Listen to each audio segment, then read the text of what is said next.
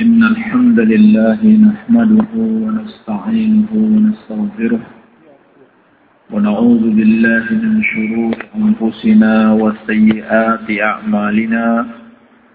من يهده الله فلا مذل له ومن يضلل فلا هادي له. وأشهد أن لا إله إلا الله وحده لا شريك له. وأشهد أن محمدا عبده ورسوله صلى الله عليه وعلى آله وصحابته أجمعين ومن تبعهم بإحسان إلى يوم الدين. يا أيها الذين آمنوا اتقوا الله حق تقاته ولا تموتن إلا وأنتم مسلمون. يا أيها الناس اتقوا ربكم الذي خلقكم من نفس واحدة وخلق منها زوجها وبث منهما رجالا كثيرا ونساء. واتقوا الله تساء واتقوا الله الذي تساءلون به والأرحام. إن الله كان عليكم رقيبا. يا أيها الذين آمنوا اتقوا الله وقولوا قولا سديدا يصلح لكم أعمالكم ويغفر لكم ذنوبكم ومن يطع الله ورسوله فقد فاز فوزا عظيما أما بعد. فإن أصدق الحديث كتاب الله وخير الهدي هدي محمد صلى الله عليه وعلى آله وسلم. وشر الأمور محدثاتها فإن كل محدثة بدعة وكل بدعة ضلالة وكل ضلالة في النار.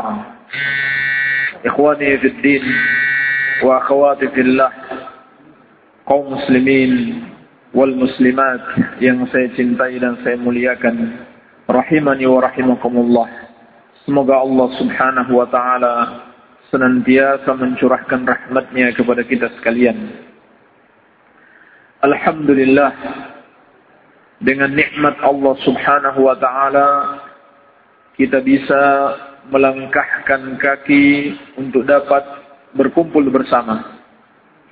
Dalam rangka tafaqquh din berusaha memahami agama kita yang mulia ini dan talabul ilmi syar'i menuntut ilmu agama kita puji Allah Subhanahu wa taala atas kenikmatan yang besar ini. Karena alhamdulillah walaupun hujan yang cukup deras kita masih diberikan taufik untuk dapat berkumpul bersama dalam rangka beribadah kepadanya. Menuntut ilmu adalah salah satu bentuk ibadah yang sangat besar sekali. Salah satu bentuk ibadah yang sangat agung yang memiliki banyak sekali keutamaan. Sebelum ilmu yang kita pelajari memberikan manfaat bagi kita, yaitu bisa kita amalkan dan bisa kita ajarkan kepada orang lain. Dan bahkan dia akan menjadi amalan atau kebaikan yang tidak akan pernah putus-putusnya. Karena Rasulullah sallallahu alaihi wasallam telah menegaskan, "Idza mata ibnu Adam, inqata'a 'amaluhu illa min thalathin." Apabila mati anak Adam, terputus amalannya kecuali dari tiga perkara. Di antaranya, au ilmin yuntafa'u bihi, ilmu yang bermanfaat. Akan tetapi ikhwani fid din wa akhwati fillah rahimani wa rahimakumullah, sebelum ilmu yang kita pelajari ini memberikan manfaat baik kepada kita maupun kepada orang lain menuntut ilmu itu sendiri adalah merupakan ibadah yang sangat agung menuntut ilmu itu sendiri merupakan ibadah yang memiliki banyak sekali keutamaan dan tidak samar bagi kita dalil-dalil Al-Quran was sunnah yang menunjukkan hal tersebut. Di antaranya Di dalam hadis yang diriwayatkan al-Imam Muslim dari sahabat yang mulia Abu Hurairah radhiyallahu anhu, Rasulullah sallallahu alaihi wasallam bersabda, من سلك طريقا يلتمس فيه علما سهل الله له به طريقا إلى الجنة. وما اجتمع قوم في بيت من بيوت الله يتلون كتاب الله ويتدارسونه بينهم إلا نزلت عليهم السكينة. وغشيتهم الرحمة وحفتهم الملائكة. wa fi man indah. Kata Rasulullah sallallahu alaihi wasallam, barang siapa yang menempuh satu jalan untuk menuntut ilmu agama, maka Allah Subhanahu wa taala akan mudahkan baginya jalan ke surga.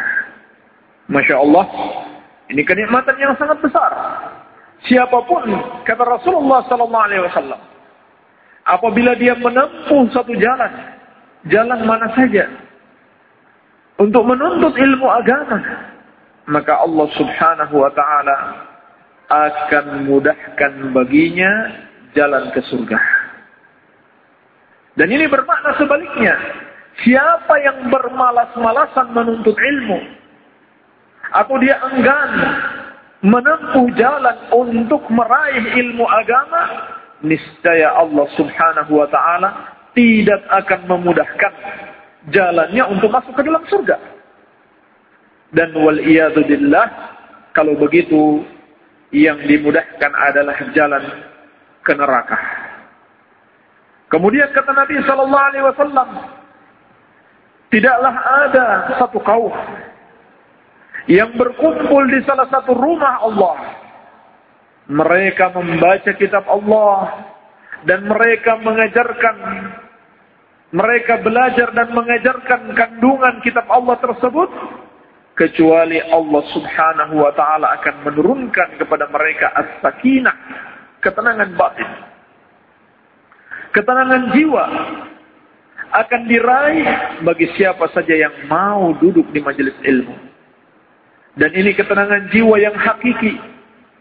Yang berasal dari keimanan seseorang kepada Allah subhanahu wa ta'ala. Yang Allah telah menjanjikan ala dzikrillahi tatmainnul qulub. Ketahuilah. Dengan mengingat Allah, hati itu akan menjadi tenang. Siapa yang menenangkannya adalah Allah subhanahu wa ta'ala. Maka majelis ilmu adalah juga disebut oleh para ulama dengan majelis zikir. Yakni dalam majelis ilmu kita ingatkan keagungan Allah, kita ingatkan kebesaran Allah Subhanahu wa taala. Maka hati pun menjadi tenang. Kemudian kata Rasulullah sallallahu alaihi wasallam Allah curahkan kasih sayangnya kepada mereka yang duduk di majelis ilmu tersebut.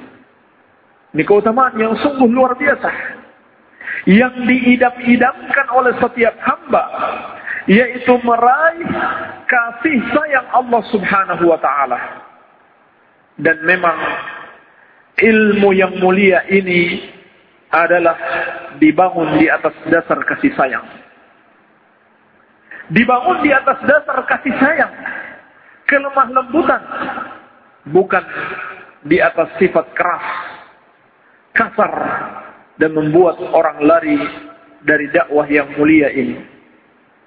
Allah Subhanahu wa taala telah berpesan kepada nabinya, "Fabima rahmatin min Allah lintalahum.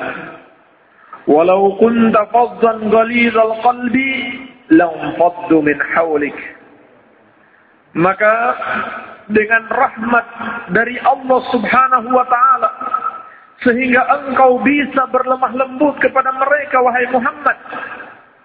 Andaikan engkau berlaku kasar lagi keras hatimu terhadap mereka niscaya mereka akan lari meninggalkanmu maka ilmu ini adalah ilmu yang dibangun di atas sifat rahmat menyampaikannya, mempelajarinya harus didasari dengan sifat kasih sayang.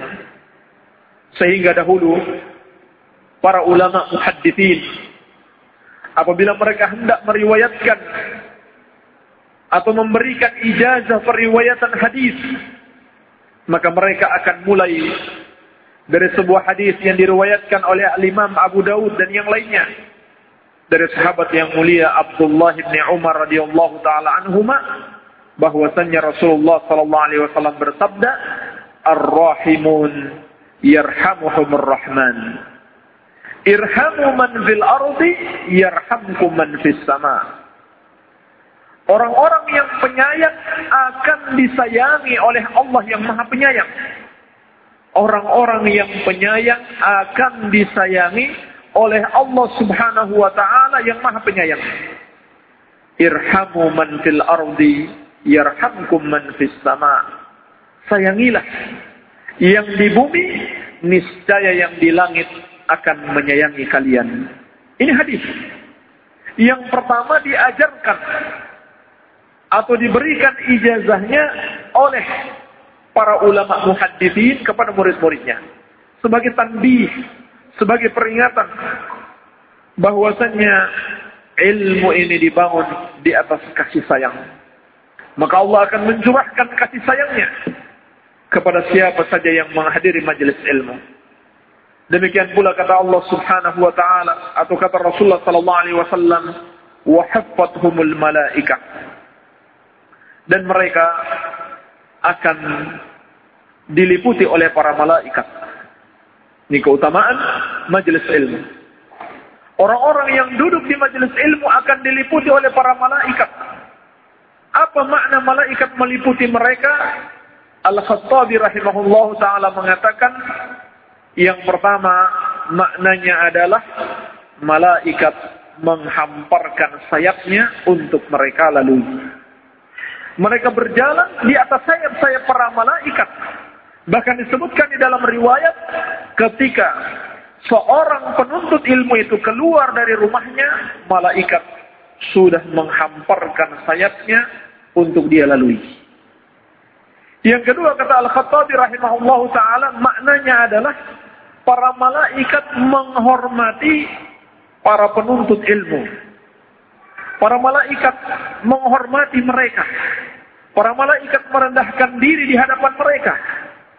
Bahkan disebutkan di dalam riwayat Rasulullah sallallahu alaihi wasallam bersabda, "Inna talibal ilmi tahuffuhu al-malaikat, thumma yarkabu ba'duhum ba'dan hatta yablughu as dunya limahabbatihim lima yatlub." Sesungguhnya seorang penuntut ilmu itu diliputi oleh para malaikat. Kemudian para malaikat ini naik ke langit antara satu dengan yang lainnya. Mereka bersaf-saf sampai ke langit dunia. Lima habbatihim lima yatluk dikarenakan kecintaan mereka terhadap ilmu yang dipelajari oleh penuntut ilmu tersebut. Kemudian makna yang ketiga, yang dimaksud malaikat meliputi mereka adalah para malaikat itu turun bersama mereka. Duduk bersama mereka di majelis-majelis ilmu. Kemudian kata Nabi sallallahu alaihi wasallam, "Wa dzakarahumullahu fi man indah" dan Allah Subhanahu wa taala menyebutkan nama-nama mereka di depan para malaikat yang ada di sisi Allah Subhanahu wa taala. Ini di antara hadis yang menunjukkan kepada kita keutamaan menuntut ilmu agama. Sehingga kita patut bersyukur kepada Allah. Kita patut memuji Allah. Dan kita agungkan ilmu. Kita muliakan majelis ilmu. Serta kita bersungguh-sungguh di dalam menuntut ilmu. Dalam rangka mensyukuri kenikmatan yang Allah Subhanahu wa taala anugerah anugerahkan ini. Ikhwani fi din wa akhwati fillah rahimani wa rahimakumullah. Dan tidak diragukan lagi. Ilmu yang paling penting untuk dipelajari. Ilmu yang wajib dan bahkan paling wajib untuk diketahui. Dan ilmu di mana agama seseorang tidak bisa tegak kecuali di atas ilmu tersebut adalah ilmu tauhid. Ilmu tauhid. Ilmu yang paling penting, yang paling wajib, yang paling besar kedudukannya di hadapan Allah dan agama seseorang tidak mungkin lurus tanpa mempelajari ilmu tauhid. Sebab ilmu tauhid adalah ilmu yang berbicara tentang Allah Subhanahu wa taala. Ilmu yang berbicara tentang zat yang maha besar, yang maha agung, yang maha mulia. Maka pantas kalau ilmu ini adalah ilmu yang paling agung, ilmu yang paling penting, ilmu yang paling wajib untuk dipelajari. Dan berapa banyak orang yang tersesat bahkan tersesat dengan kesesatan yang jauh yang menyebabkan dia terjerumus ke dalam neraka.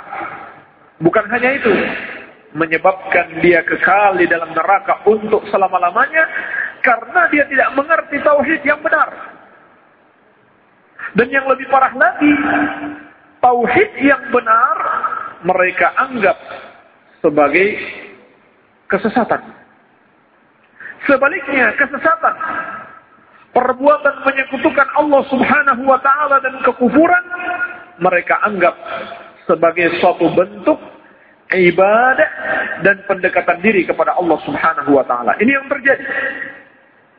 Ini yang terjadi ketika kita jauh dari ilmu yang benar. Dari ilmu yang sahih tentang tauhid yang berdasarkan Al-Quran dan Sunnah sebagaimana yang dipahami salaful ummah. Tauhid yang sesungguhnya dianggap sebagai kesesatan yang merupakan kesesatan kesyirikan dan kekufuran dianggap sebagai satu bentuk ibadah kepada Allah Subhanahu wa taala.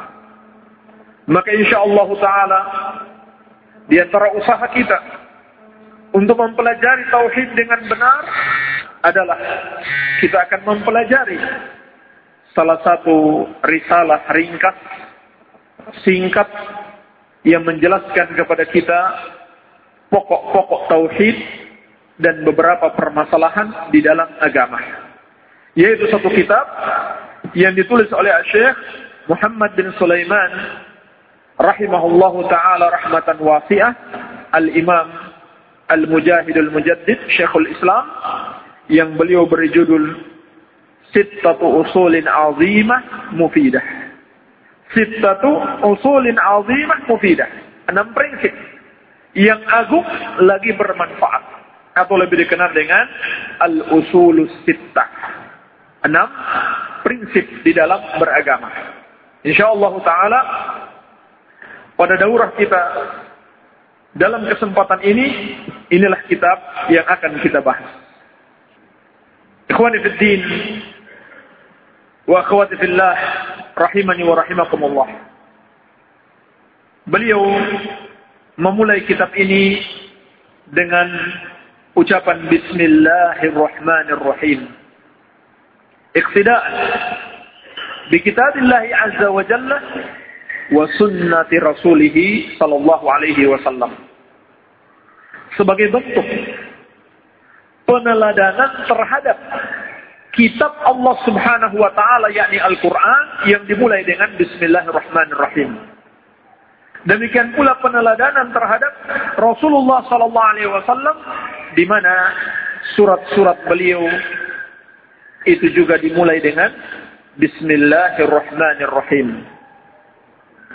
Dan ucapan bismillahirrahmanirrahim mengandung faidah dan manfaat yang sangat mendalam. Bismillah itu sendiri maknanya adalah asta'inu billah. Aku memohon pertolongan kepada Allah Subhanahu wa taala. Ini hakikat bismillah. Ba di situ adalah ba al-isti'anah. Ba untuk memohon pertolongan kepada Allah Subhanahu wa taala. Maka ketika kita mengucapkan bismillah itu maknanya kita meminta pertolongan kepada Allah Subhanahu wa taala atas apa yang akan kita kerjakan. Sehingga dari ucapan bismillah terkandung penetapan tauhid rububiyah dan uluhiyah sekaligus. Dari ucapan bismillah saja sudah terdapat penetapan tauhid rububiyah dan uluhiyah bahkan asma wa sifat sekaligus. Kalau orang tanya apa sih dalil pembagian tauhid menjadi tiga? Katakan saja bismillah. Bismillah adalah dalilnya. Tauhid terbagi menjadi tiga. Yang pertama tauhidur rububiyah. Yaitu mengimani bahwasannya Allah subhanahu wa ta'ala yang mencipta. Yang memberi rezeki. Yang menghidupkan dan mematikan. Yang memberikan kemanfaatan. Dan menolak kemudaratan. Allah yang menguasai. Allah yang mengatur. Itu terkandung dalam bismillah. Dari sisi mana? Dari sisi ketika kita memohon pertolongan kepada Allah, berarti kita yakin. Berarti kita yakin yang kita panjatkan permohonan tersebut yaitu Allah Subhanahu wa taala memiliki sifat-sifat rububiyah. Memiliki sifat-sifat rububiyah. Seperti ketika kita memohon rizki kepada Allah. Kita minta rizki kepada Allah. Berarti kita yakin dialah yang menciptakan rezeki. Dialah yang menguasainya, dialah yang berhak mengaturnya. Dan hanya dialah yang bisa mendengarkan permohonan kita. Serta hanya dia yang bisa menjawab dan mengabulkan doa-doa kita. Maka di situ terkandung penetapan tauhidur rububiyah. Demikian pula di dalam bismillah terkandung penetapan tauhidul uluhiyah. Sebab meminta pertolongan pada sesuatu yang tidak dimampui untuk menolong kita kecuali hanya oleh Allah adalah ibadah. Sehingga kita murnikan al-isti'anah permohonan minta tolong itu hanya kepada Allah. Dan senantiasa kita ucapkan Iyyaka na'budu wa iyyaka nasta'in. Hanya kepadamu kami beribadah dan hanya kepadamu kami mohon pertolongan. Sehingga menunjukkan al-isti'anah itu ibadah. Yang hanya boleh kita persembahkan kepada Allah subhanahu wa ta'ala. Dan Allah itu sendiri, Allah maknanya adalah al-ma'luhul ma'bud hubban wa ta'ziman. Allah adalah zat yang disembah dengan penuh cinta dan pengagungan. Maka dari nama Allah itu sendiri kita sudah dapat menetapkan tauhid uluhiyah. Hanya Allah yang pantas disembah dengan penuh cinta dan pengagungan. Dan juga sekaligus penetapan tauhidul asma wa sifat. Yaitu nama Allah itu sendiri. Dan dia merupakan asal dia merupakan asal dari seluruh nama-nama Allah Subhanahu wa taala yang lainnya. Maka di situ ada penetapan tauhidul asma wa sifat. Demikian pula di dalam Ar-Rahman Ar-Rahim juga terdapat penetapan tauhidul asma wa sifat. Apa yang dimaksud dengan tauhidul asma wa sifat? Yaitu meyakini atau menetapkan satu nama dan satu sifat bagi Allah sebagaimana yang telah Allah tetapkan di dalam Al-Quran wa Sunnah. Kita tidak diberikan hak untuk menamakan bagi Allah dan menetapkan satu sifat baginya tanpa dasarnya dari dalil Al-Quran dan Sunnah Rasulullah Sallallahu Alaihi Wasallam. Jadi dalam Bismillah ataupun dilanjutkan Bismillahirrahmanirrahim sudah terkandung penetapan tauhid rububiyah, uluhiyah dan asma wa sifat sekaligus. Apalagi kalau kita mau meneliti seluruh dalil-dalil dari Al-Quran wa Sunnah, maka tentunya akan lebih banyak lagi kita dapatkan. Akan lebih banyak lagi kita dapatkan tauhid rububiyah, tauhid uluhiyah, dan tauhid asma wa sifat. Jadi ini bukan sesuatu yang baru. Bukan sesuatu yang diada-adakan. Bukan sesuatu yang diciptakan oleh manusia. Tetapi memang dia adalah kandungan makna ayat-ayat baik Al-Quran maupun sunnah Rasulullah sallallahu alaihi wasallam tauhid tidak akan keluar dari tiga macam tauhid ini. Kalau kita teliti seluruh kandungan Al-Quran dan Sunnah maka tidak akan keluar dari tiga macam tauhid tersebut. Adapun Ar-Rahman maknanya adalah Dzurrahmatil Wasi'ah. Pemilik rahmat yang sangat luas. Sedangkan Ar-Rahim maknanya adalah Dzurrahmatil Wasilah. Pemilik rahmat yang senantiasa mencurahkan rahmatnya kepada hamba-hambanya pemilik rahmat yang senantiasa mencurahkan rahmatnya kepada siapa yang dia kehendaki dari hamba-hambanya. Maka perbedaannya Ar-Rahman, apa perbedaan Ar-Rahman dan Ar-Rahim kalau begitu? Hah? Perbedaannya Ar-Rahman adalah sifat rahmat yang melekat pada zat Allah Subhanahu wa taala atau sifat zatiyah Sedangkan Ar-Rahim adalah sifat fi'liyah yaitu perbuatan Allah Subhanahu wa taala mencurahkan rahmatnya kepada hamba-hambanya. Ini makna Ar-Rahman dan Ar-Rahim. Maka Syekh rahimahullahu taala memulai kitabnya dengan bismillahirrahmanirrahim untuk meminta pertolongan kepada Allah Subhanahu wa taala. Ini manfaat yang pertama. Kenapa? Beliau memulai kitabnya dengan Bismillahirrahmanirrahim. Demikian pula kita memulai berbagai macam aktivitas kita dengan nama Allah. Kita bangun tidur, kita ucapkan nama Allah. Kita mau tidur, kita pun mengucapkan nama Allah. Kita keluar rumah, kita ucapkan nama Allah. Masuk rumah, kita ucapkan nama Allah bahkan berhubungan suami istri, masuk ke WC pun kita mengucapkan nama Allah Subhanahu wa taala. Semuanya untuk meminta pertolongan kepada Allah Subhanahu wa taala. Ini manfaat yang pertama. Manfaat yang kedua adalah at-tabarruk bismillah azza wa jalla, mencari keberkahan dengan nama Allah Subhanahu wa taala tersebut. Artinya apa? Ketika kita mulai sesuatu dengan nama Allah, kita harapkan apa yang kita kerjakan tersebut mendapatkan berbagai macam keberkahan, yaitu kebaikan. Keberkahan, apa arti keberkahan? Keberkahan itu artinya subutul khair wa kasratuhu. Kebaikan yang tetap dan melimpah. Kebaikan yang tetap dan melimpah. Maka Kapan dan di mana pun kita senantiasa mengucapkan nama Allah. Tujuannya apa? Tujuannya agar kebaikan melimpah di dalam kehidupan kita. Ini tujuannya. Demikian pula manfaat yang lain. Ketika kita mulai dengan Bismillahirrahmanirrahim, di situ terkandung peringatan. Terkandung peringatan kepada kita Jangan sampai ketika kita melakukan aktivitas kita bertentangan dengan ketentuan Allah Subhanahu wa taala. Kita sudah mulai dengan nama Allah, jangan sampai kita melakukan apa yang kita lakukan tersebut bertentangan dengan syariat Allah.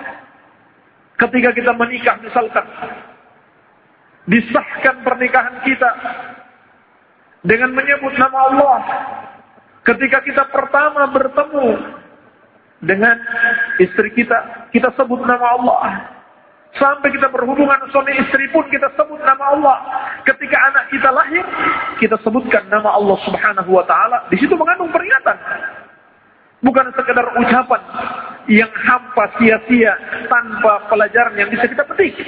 Masih ada pelajaran yang bisa kita petik, kita petik yaitu peringatan. Peringatan bahwasannya ketika kita mengayuh hidup rumah tangga, kita mendidik istri-istri dan anak kita, hendaklah sesuai dengan ketentuan Allah Subhanahu wa taala. Demikian beberapa manfaat yang bisa kita petik dari bismillahirrahmanirrahim. Kemudian kata beliau rahimahullahu taala min a'jabil ujab. Kita masuk pada isi kitab min a'jabil ujab wa akbaril ayatid dallah ala qudratil malikil ghallab sittatu usulin bayyanaha Allah Ta'ala bayanan wadihan lil awam fawqa ma yadhunnu dhanun kata beliau rahimahullah di antara hal yang sangat mengagumkan sekali dan sebesar-besarnya tanda yang menunjukkan tanda yang menunjukkan kekuasaan atau kemampuan Allah Subhanahu wa taala Al-Malik sebagai seorang raja. Al-Ghallab yang memiliki izzah. Al-Ghallab memiliki izzah, memiliki keperkasaan. Yang dengan itu dia dapat menaklukkan siapa saja. Al-Ghallab ini dari makna Al-Aziz. Salah satu makna sifat-sifat Allah Subhanahu wa taala. Adapun kalau dikatakan ini nama Allah, maka kita belum tahu dalilnya.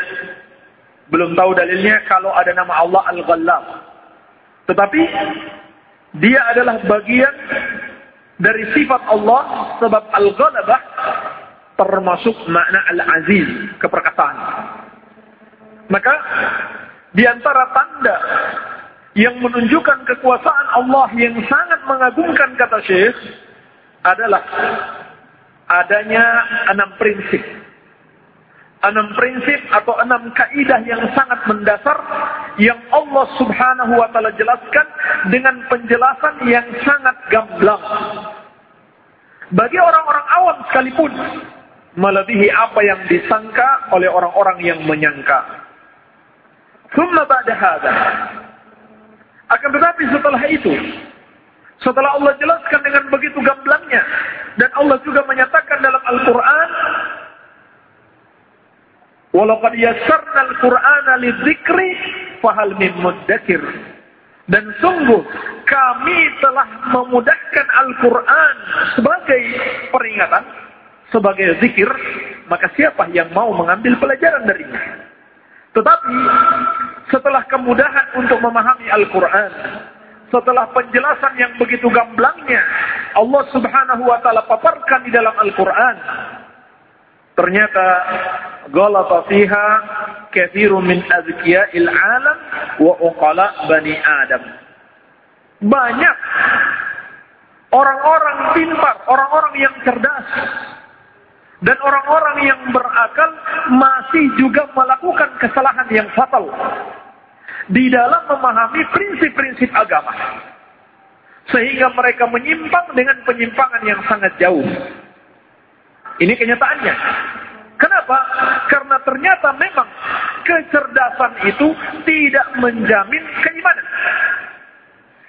Kalau kesucian hati, insya Allah Ta'ala akan menjamin keimanan az-zaka. Adapun az-zaka dengan zal maka tidak menjamin keimanan seseorang. Sebab keimanan berhubungan dengan hidayah. Seorang mendapatkan hidayah tidak memandang apakah dia orang bodoh atau orang cerdas. Tetapi yang mendapatkan hidayah adalah orang-orang yang dirahmati oleh Allah Subhanahu wa taala bagi siapa yang dia kehendaki. Dan ini subhanallah benar-benar terbukti. Betapa banyak kita melihat orang-orang pintar. Mungkin dia bergelar profesor, doktor, guru besar di satu universitas ternama. Tetapi kenyataannya dia adalah orang yang paling kafir kepada Allah. Dia memiliki pemikiran-pemikiran menyimpang. Dia melakukan berbagai macam kebid'ahan di dalam agama. Terbukti. Negara-negara besar yang katanya teknologinya paling maju. Ternyata didominasi dengan orang-orang yang menyekutukan Allah subhanahu wa ta'ala. Maka kecerdasan-kecerdasan mereka ternyata tidak menjamin mereka beriman kepada apa yang Allah Subhanahu wa taala turunkan kepada mereka. Illa aqallul qalil, kecuali kata Allah sangat sedikit sekali yang beriman. Sangat sedikit sekali yang bisa memahami prinsip-prinsip tersebut. Sehingga maksudnya beliau di sini memperingatkan kepada kita, jangan tertipu. Jangan tertipu melihat kecerdasan seseorang. Jangan tertipu melihat kedudukan sosialnya di tengah-tengah masyarakat.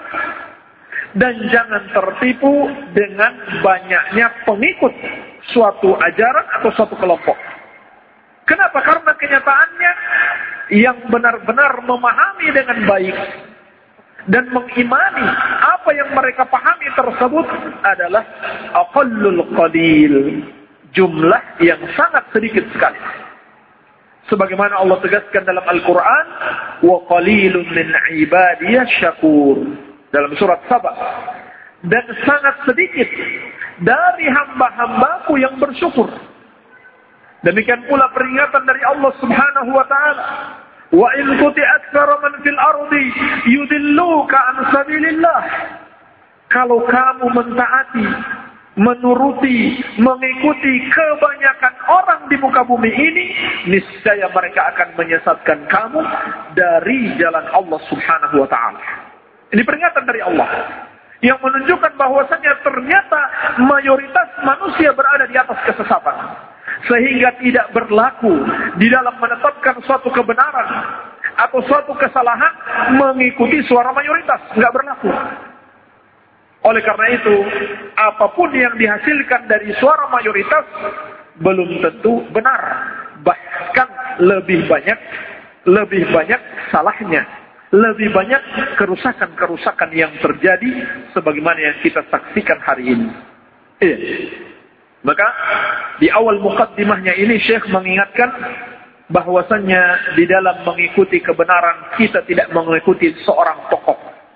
Walaupun dia memiliki harisma, walaupun dia memiliki kecerdasan yang luar biasa, tetapi kalau dia salah, tetap saja salah. Dia benar, kita ikuti karena kebenarannya, bukan karena orangnya. Kalau dia salah, maka kita tidak mengikutinya. Demikian pula kebenaran itu tidak sama sekali diukur oleh banyaknya pengikut. Sama sekali tidak. Walaupun sedikit, tetapi berada di atas al-haq, maka itulah kebenaran. Sehingga Rasulullah SAW pernah mengabarkan kepada kita bahwasannya para nabi dan rasul terdahulu ketika dibangkitkan pada hari kiamat akan dibangkitkan bersama pengikut mereka. Berapa banyak yang mengikuti para nabi dan rasul terdahulu? Kata Rasulullah sallallahu alaihi wasallam, "Fara'aitu an-nabiyya wa ma'ahu ar-rahat." Wa ra'aitu an-nabiyya wa ma'ahu ar-rajul. Wa ra'aitu an-nabiyya wa laysa ma'ahu ahadun. Aku melihat yakni ditampakkan kepada Rasulullah sallallahu alaihi wasallam kondisi pada hari kiamat ketika setiap nabi setiap nabi dibangkitkan bersama pengikutnya maka kata Nabi Shallallahu Alaihi Wasallam, aku melihat seorang nabi yang pengikutnya tidak lebih dari sepuluh orang. Seorang nabi yang diutus di satu negeri, di satu kaum, ternyata pengikutnya tidak lebih dari sepuluh orang. Dan aku melihat kata Rasulullah Sallallahu Alaihi Wasallam seorang nabi yang pengikutnya hanya satu orang dan seorang nabi yang lain pengikutnya hanya dua orang dan juga aku melihat seorang nabi tidak ada pengikutnya sama sekali. Jadi al-haq sama sekali tidak bisa diukur dengan banyaknya atau sedikitnya yang mengikuti kebenaran tersebut. Sehingga prinsip-prinsip yang akan disebutkan oleh Syekh berdasarkan dalil-dalil Al-Quran wa Sunnah kita meyakini sebagai kebenarannya walaupun kebanyakan orang tidak mengikuti prinsip-prinsip tersebut. Baik. Kita masuk pada prinsip yang pertama. Qala rahimahullah al-aslul awal. Prinsip yang pertama. Ikhlasuddin lillahi ta'ala wahdahu la syarikalah. Al-Quran dan Sunnah.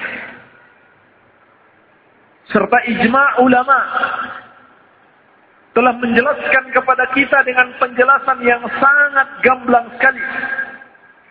Penjelasan yang sangat jelas bahwasannya kita berkewajiban untuk ikhlasuddin lillahi ta'ala wahdahu la syarikalah.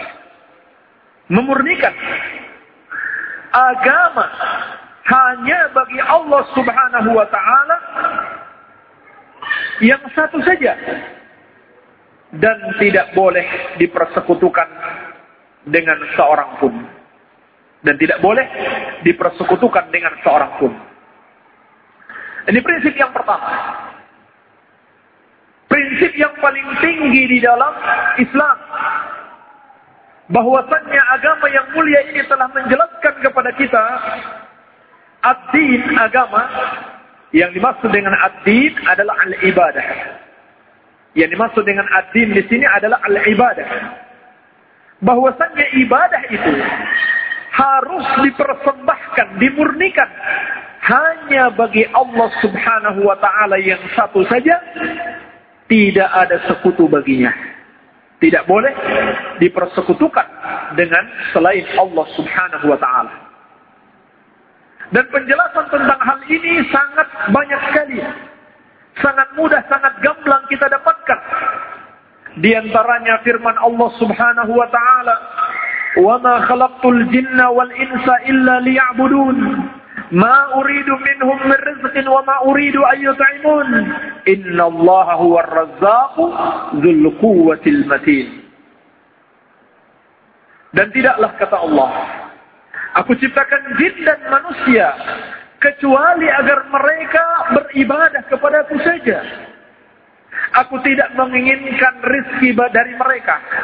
Dan tidak pula agar mereka memberi aku makan tetapi dialah, dialah Allah Ar-Razzaq yang mana memberikan rezeki Zul Quwwatil Matin, pemilik kekuatan yang sangat kokoh.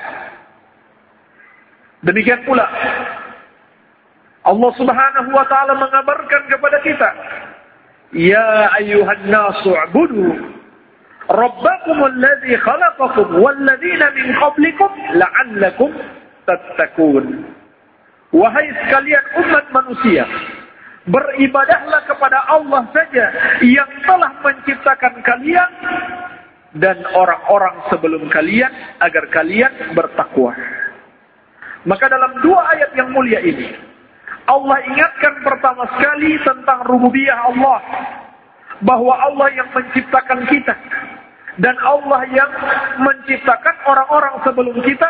Dan juga memberikan rezeki kepada kita semua. Inna Allah huwar. Dialah yang maha memberikan rezeki.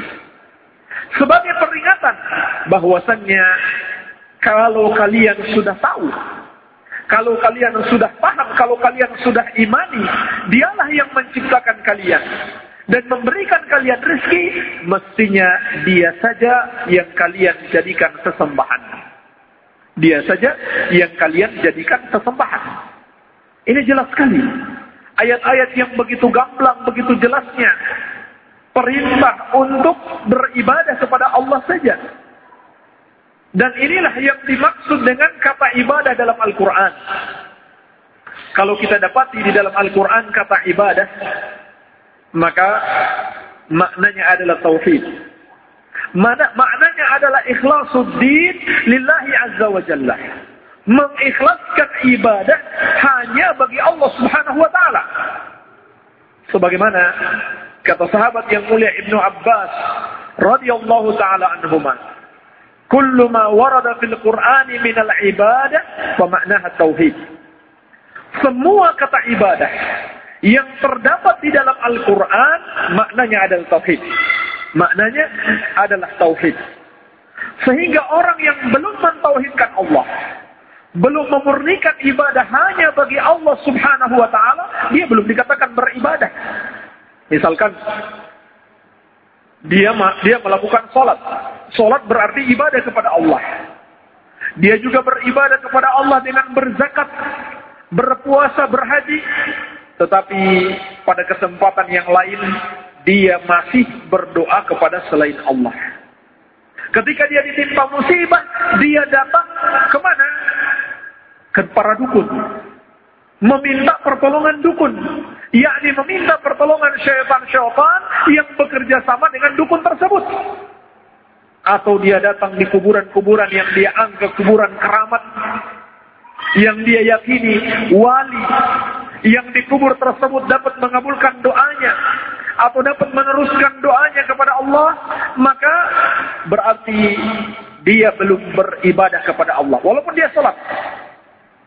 Walaupun dia puasa, walaupun dia zakat. Kenapa? Karena ibadahnya belum dia murnikan kepada Allah. Sebab isti'anah seperti yang kita tekankan di awal tadi, isti'anah memohon pertolongan adalah ibadah. Doa adalah ibadah. Di mana Nabi sallallahu alaihi wasallam menegaskan huwal ibadah. Doa itu adalah ibadah. Kemudian beliau membaca firman Allah Subhanahu wa taala, "Wa qala rabbukum ud'uni astajib lakum. Innal ladzina yastakbiruna an ibadati sayadkhuluna jahannama dakhirin." Dan Rabbmu telah berfirman, "Berdoalah kepadaku, niscaya akan aku kabulkan." Sesungguhnya orang-orang yang tidak mau berdoa kepadaku, niscaya mereka akan masuk neraka dalam keadaan hina. Berarti apa? Doa itu adalah ibadah. Sehingga kalau dia berdoa kepada selain Allah, dia telah beribadah kepada selain Allah. Walaupun pada saat itu juga atau di kesempatan yang lain, dia masih sholat. Dia masih menyembah Allah. Tetapi dia belum dikatakan orang yang beribadah. Kenapa? Karena dia belum mentauhidkan Allah subhanahu wa ta'ala di dalam ibadah. Demikian pula firman Allah Subhanahu wa taala, "Wa'budullaha wa la tusyriku bihi syai'an." Dan sembahlah Allah dan janganlah kalian menyekutukannya dengan sesuatu apa pun juga. Apa sulitnya memahami ayat yang mulia ini? Begitu mudahnya, begitu gamblangnya. Jangan beribadah kepada selain Allah, berarti yang diibadahi hanya Allah Subhanahu wa taala.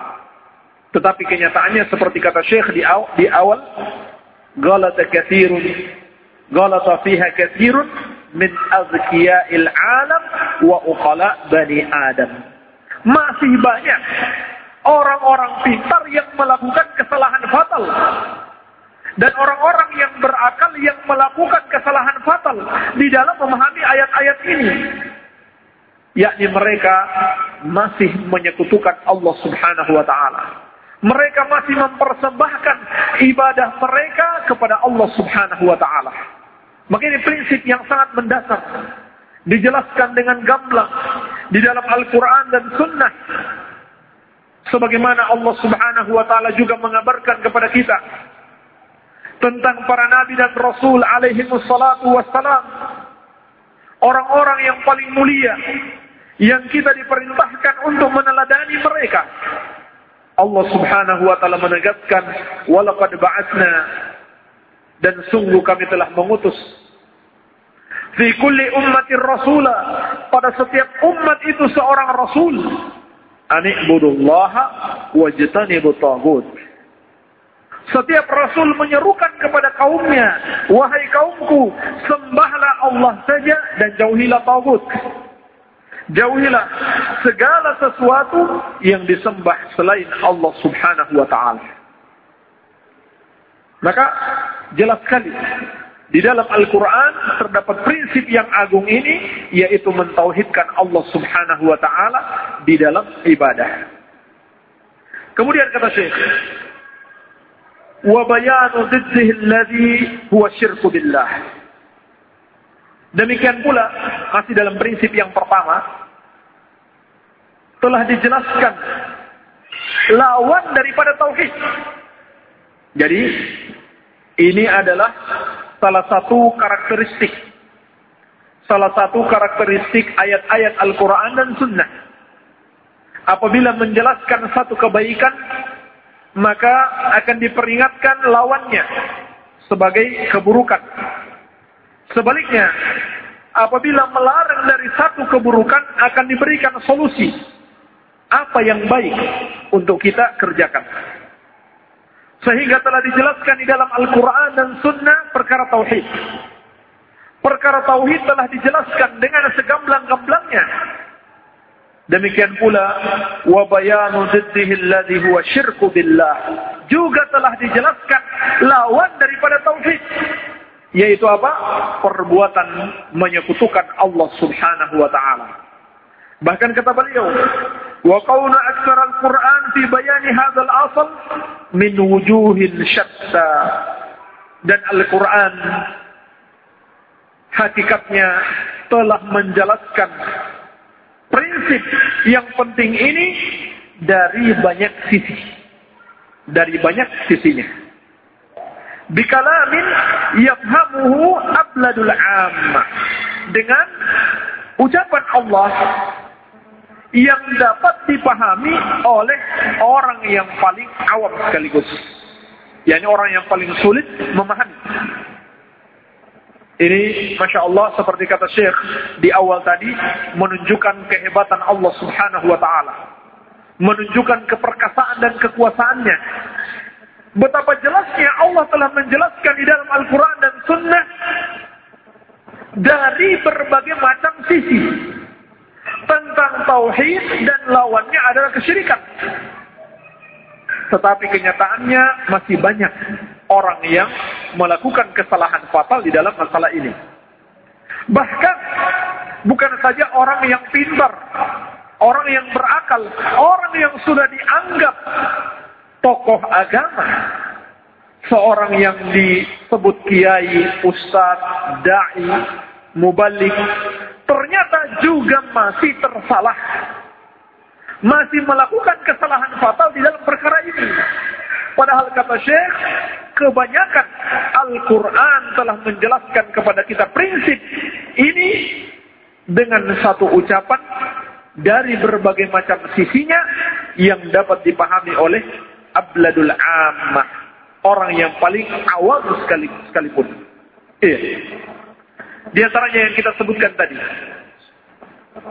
Ketika Allah Subhanahu wa taala memerintahkan untuk beribadah, Allah ingatkan dengan hakikat penciptaan. Allah ingatkan dengan hakikat penciptaan kita sebagai hamba. Siapa yang menciptakan kita adalah Allah. Demikian pula Allah ingatkan dengan rezeki yang senantiasa dianugerahkan kepada kita. Siapa yang memberikannya? Dialah Allah Subhanahu wa taala.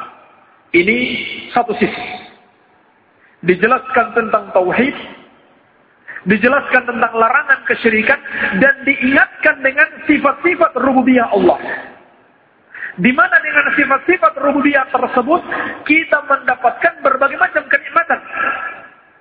Kita dihidupkan, kita diberikan rezeki, kita dianugerahkan berbagai macam kenikmatan. Semua itu diingatkan Allah Subhanahu wa taala dalam Al-Qur'an untuk apa?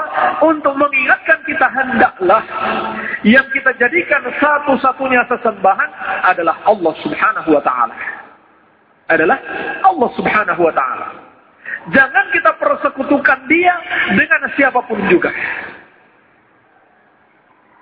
Sisi yang lain sangat banyak di antaranya Allah subhanahu wa ta'ala telah menjelaskan kepada kita bahaya perbuatan menyekutukan Allah.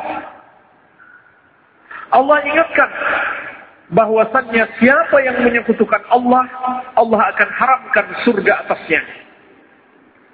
Dia kekal di dalam neraka dan tidak ada satupun yang mampu menolongnya. Sebagaimana firman Allah, "Innahu may yushrik billah" Faqad harramallahu alaihi al-jannata wa ma'wahu an-nar wa ma lidh-dhalimin min ansar. Sesungguhnya barang siapa yang menyekutukan Allah, maka Allah haramkan surga atasnya. Neraka adalah tempatnya dan tidak ada satupun yang mampu menolong orang-orang yang zalim tersebut. Ini di satu sisi. Allah jelaskan betapa bahayanya perbuatan syirik Orang yang menyekutukan Allah, Allah haramkan surga atasnya. Berarti apa? Dia kekal di neraka. Dan Allah kabarkan tidak ada satupun yang mampu menolong mereka. Dan juga hadis-hadis Rasulullah Sallallahu Alaihi Wasallam menjelaskan kepada kita betapa seorang nabi yang mulia, seorang rasul yang sangat tinggi kedudukannya di hadapan Allah, ternyata tidak bisa kita persekutukan dengan Allah. Kenapa? Karena dia sedikit pun tidak memiliki sifat-sifat rububiyah, tidak juga memiliki sifat-sifat uluhiyah.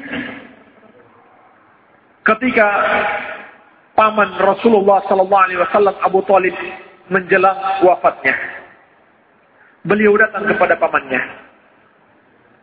Dalam keadaan seperti itu, beliau masih mendakwahkan mendakwahi pamannya. Sepanjang hidupnya setelah diangkat menjadi seorang rasul, beliau berdakwah kepada pamannya. Sampai menjelang wafatnya, beliau masih menyampaikan dakwah. Apa yang beliau sampaikan kepada pamannya? Ya ammi, Kul la ilaha illallah kalimatan uhajjalaka biha illallah. Wahai pamanku ucapkan la ilaha illallah satu kalimat saja yang dengan itu akan menjadi hujah bagiku untukmu kelak di hadapan Allah Subhanahu wa taala.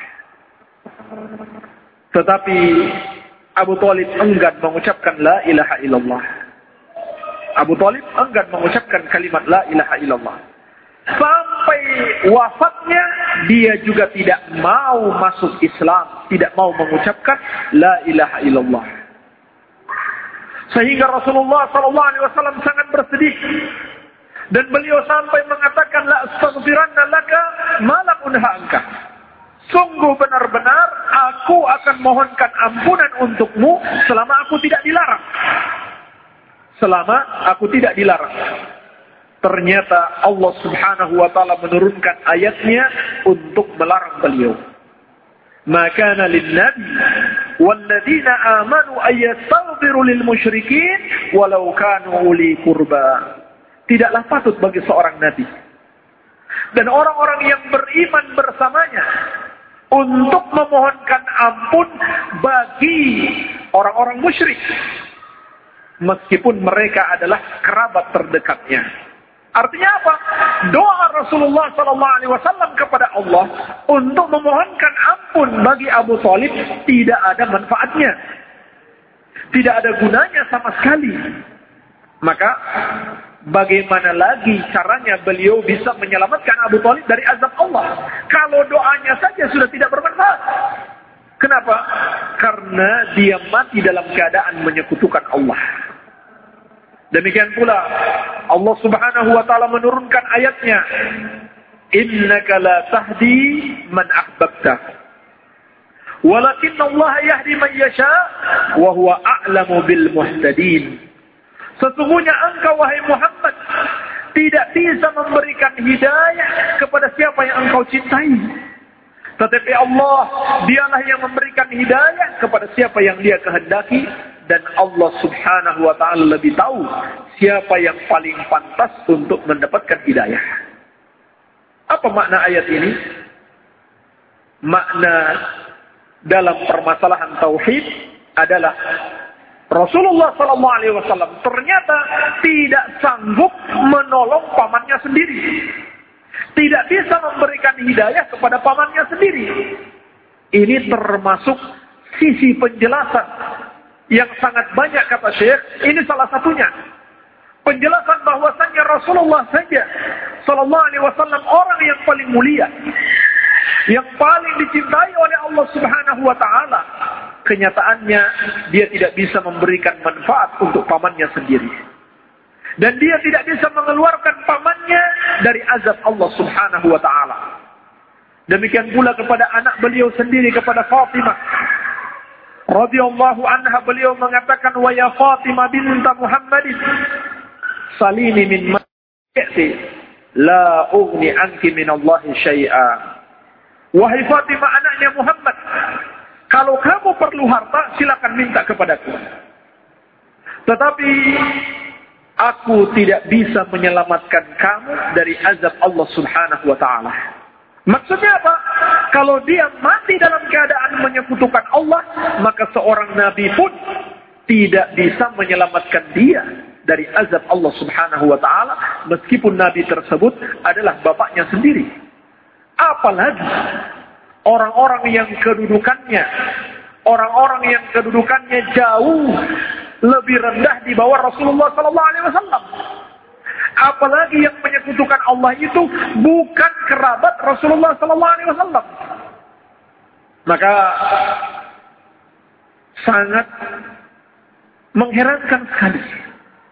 Setelah penjelasan yang begitu gamblang ini, masih ada orang-orang yang berkeyakinan kalau saya mengikuti mazhab ini, nanti imam mazhab tersebut yang akan bertanggung jawab terhadap saya. Dia akan menyelamatkan saya dari azab Allah. Kalau saya mengikuti kelompok ini, kelompok itu, nanti imam-imam itu, imam-imam dalam kelompok tersebut akan bertanggung jawab kepada saya. Dia akan menyelamatkan saya dari azab Allah subhanahu wa ta'ala pada akhirnya mereka menyekutukan Allah Subhanahu wa taala dengan pemimpin-pemimpin kelompok tersebut. Maka Allah Subhanahu wa taala telah menjelaskan wa ma lizalimina min ansar. Tidak ada satupun yang sanggup menolong orang-orang yang zalim tersebut. Demikian pula dari sisi yang lain. Kita lihat bagaimana penjelasan Al-Quran. Allah tegaskan kepada kita bahwa perbuatan menyekutukan Allah adalah dosa yang tidak terampuni. Adapun dosa selain syirik, bagaimanapun besarnya masih mungkin mendapatkan ampunan Allah Subhanahu wa taala. Masih mungkin mendapatkan ampunan Allah Subhanahu wa taala. Sebagaimana yang Allah tegaskan, "Inna Allah la yaghfiru an bihi wa yaghfiru ma duna dzalika liman yasha'."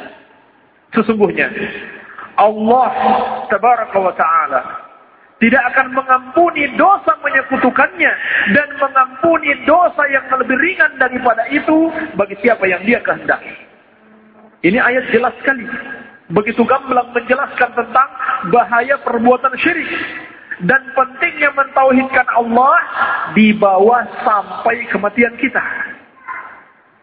Karena Allah telah menegaskan Allah tidak akan mengampuni dosa menyekutukannya. Kalau begitu dari sini dapat kita pahami betapa besar kemurkaan dan kemarahan Allah kepada orang-orang yang menyekutukannya.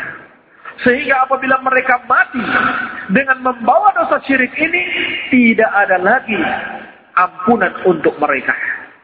Adapun dosa selain syirik, yakni yang derajatnya lebih rendah daripada syirik kata Allah, maka bisa jadi seorang itu mendapatkan ampunannya.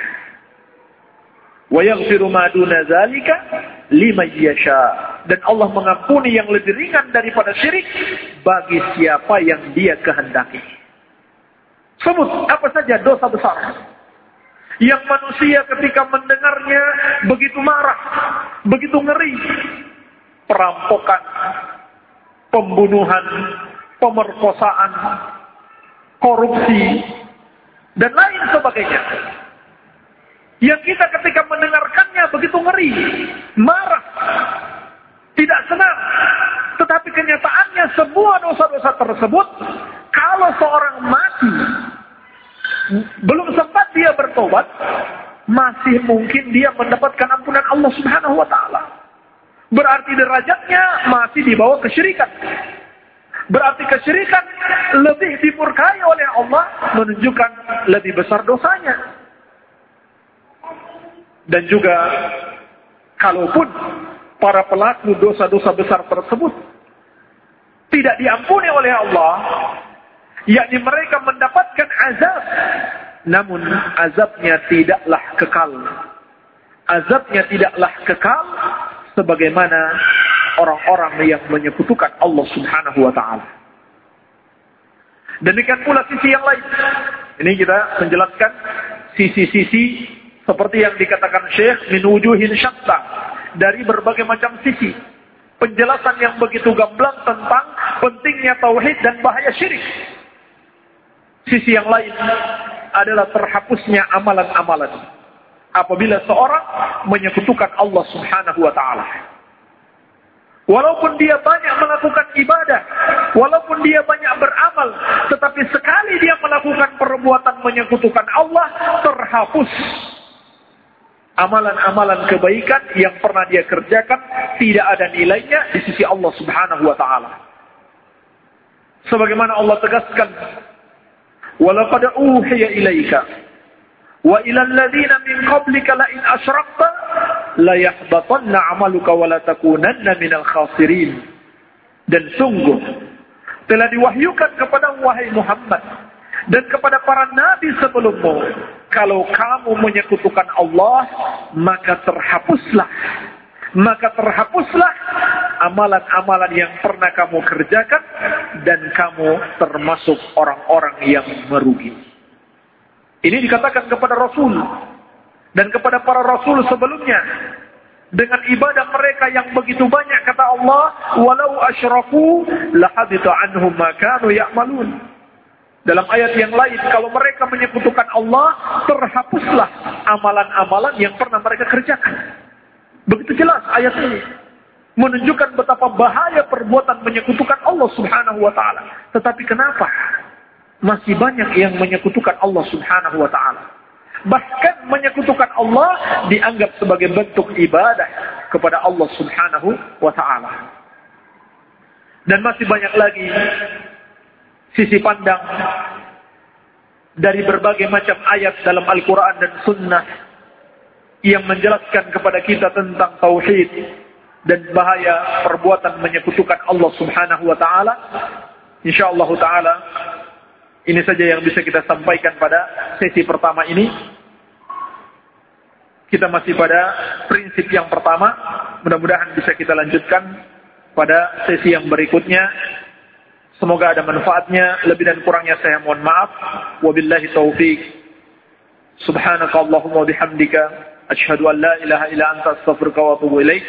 Wa sallallahu ala nabina Muhammadin wa alihi wa sallam. Walhamdulillahi rabbil alamin. والسلام عليكم ورحمة الله وبركاته.